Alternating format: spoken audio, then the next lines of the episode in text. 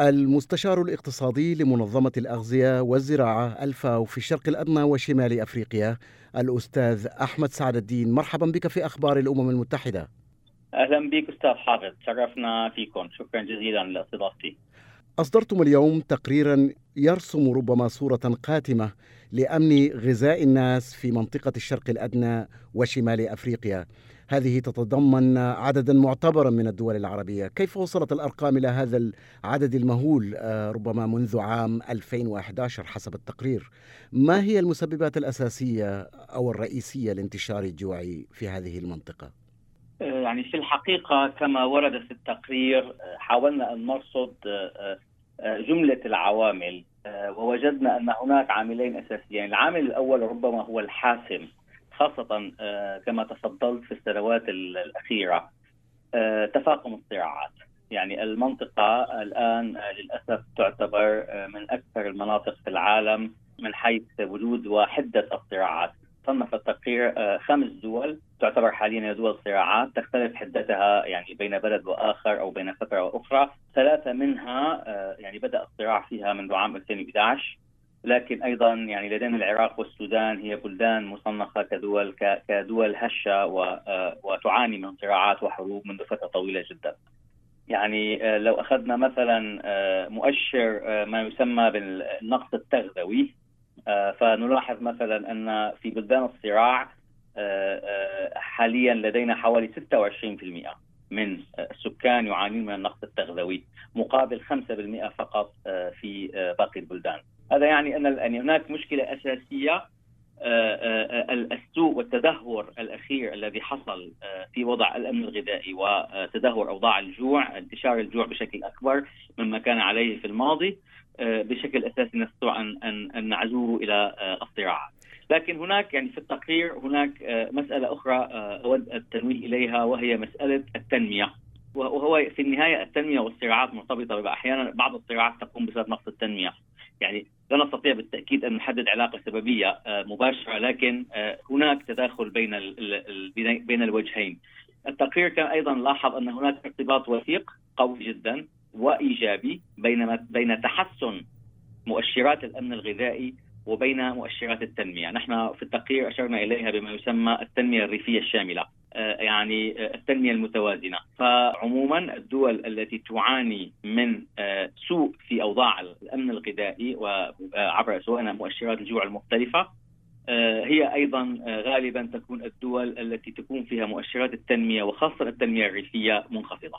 وذلك آه، كما قلت لا ينفي أن الوضع في الدول غير المتأثرة بالنزاعات هي أيضا تعاني في أزمة الأمن الغذائي أيضا، ما هي هذه الدول الأخرى التي لا تعاني من صراعات ولكنها أيضا تعاني من أزمة أمن غذائي؟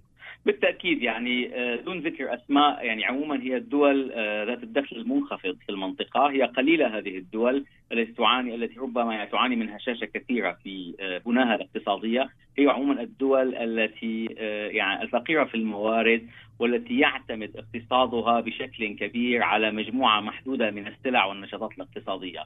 هذه الدول ربما تكون عرضة يعني عند حدوث صدمات اقتصادية خارجية كمثلا كما حدث آه، في سنة 2007 2008 عندما ارتفعت أسعار المنتجات الغذائية خاصة الحبوب بشكل كبير، صدمات آه، آه، يعني تحدث في الاقتصاد العالمي بشكل عام قد تؤثر بشكل كبير على قدرة هذه الدول على تأمين الكفاية من الغذاء لشعبها وأيضا من أن تأمن أيضا آليات للتوزيع العادل بحيث تستطيع أن تؤمن وصول كافة فئات المجتمع إلى غذاء صحي متوازن ويعني ليس فقط بالكم ولكن أيضا بالنوع. لكن هناك عدد كبير من الدول في المنطقة العربية وفي منطقة الشرق الأدنى وشمال أفريقيا تعتمد في اقتصادياتها على قطاعين أو ثلاثة على منتجين أو ثلاثة. وهذه حقيقة يعني مسألة آه، يعني آه، قد تؤدي في المستقبل القريب أو البعيد إلى حدوث أزمات آه، يعني مشابهة قد تزيد من تدهور أوضاع الأمن الغذائي. هل هنالك صورة أخرى للدول الأكثر قدرة على حل مشاكل الأمن الغذائي لمواطنيها؟ هل هنالك تجارب يمكن أن نسميها بالإيجابية؟ بكل تأكيد يعني هناك رفض التقرير مجموعة من الآليات والسياسات المتبعة لما نسميها في إدارة المخاطر، يجب أن نضع أيضا قضية الأمن الغذائي في المنطقة العربية وفي في منطقة الشرق الأدنى وشمال أفريقيا عموما ضمن إطار إمكانيات المنطقة وطبيعتها المناخية. يعني منطقتنا هي من أكثر مناطق العالم إن لم يكن أكثرها على الإطلاق جفافا وندرة للموارد الطبيعية اللازمة لإنتاج الغذاء مثل الأرض الصالحة والزراعة والمياه خاصة آه هذه إضافة إلى عندنا تحدي آه لدينا تحدي كبير وهو أن منطقتنا أيضا من أكثر مناطق العالم في النمو السكاني. الدولة التي تستطيع أن نقول أنها آمنة غذائيا هي الدولة التي تستطيع أن تعتمد على نفسها في الحصول على الغذاء. وهذا يعني يتم عبر سلة. هناك إنتاج محلي لكن أيضا هناك يعني مثلا هناك الاعتماد على التجارة تنويع مصادر التجارة في الاستيراد. مثلا يعني هناك تجارب رصدناها في العديد من الدول. لنأخذ مثال يعني على سبيل المثال وليس الحصر في الأردن مثلا هناك سياسة تقول أن الأردن يجب أن يكون لديه في كل يوم كمية من الحبوب تكفيه تسع شهور إلى الأمام. وهذا يحصل مع أن الأردن لا لا تنتج إلا 1% من من من ذلك من تلك الكمية، لكن ذلك يحصل بأن بأنه يعني عبر عقود استيراد تنوع الأردن مصادر استيرادها من أكثر من منطقة. دائما لديها كمية من الحبوب تكفيها ثلاثة شهور، كمية أخرى تكون في الميناء وكم و... و... لثلاثة شهور أخرى وكم و... وثلاثة شهور أخرى تكون في البحر، لا تعتمد على بلد واحد أو منطقة واحدة بحيث لو لو حصلت أزمة في تلك المنطقة حرب أو أو جفاف أو كذا أو حتى حتى عوامل سياسية ممكن أن تؤثر على العقود فإن ال ال يعني يتم تأمين استمرار تدفق الغذاء بشكل سليم.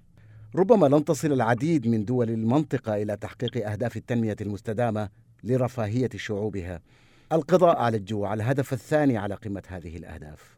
الكثير من الدول تعمل بشكل جاهد لتحقيق أهداف التنمية المستدامة وأعتقد ان أن يعني الموضوع ليس في طور المستحيل هناك تحديات أيضا باقي الدول تعاني وتواجه تحديات لكن هناك جهود تبذل هناك رغبة لمسنا رغبة والتزام من الكثير من الحكومات من في المنطقة يطلبون بشكل دائم من الأمم المتحدة من الفاو ومن من منظمات أخرى المساعدة في قضايا تقنية من أجل متابعة أهداف التنمية المستدامة. فيعني لن أكون لست متفائلا بشكل كامل لكني لن أكون أيضا متشائم وسوداوي. التقرير ربما كما وصفت يصف هناك صورة قاتمة نوعا ما لكن يعني هو يعكس بأمانة الواقع الموجود الذي يجب أن نعمل بكسب وجهد كبير على تغييره ووضع المنطقة على السكه الصحيحة. الأستاذ أحمد سعد الدين المستشار الاقتصادي لمنظمة الأغذية والزراعة الفاو في منطقة الشرق الأدنى وشمال أفريقيا، كنت معنا على أخبار الأمم المتحدة، شكرا جزيلا.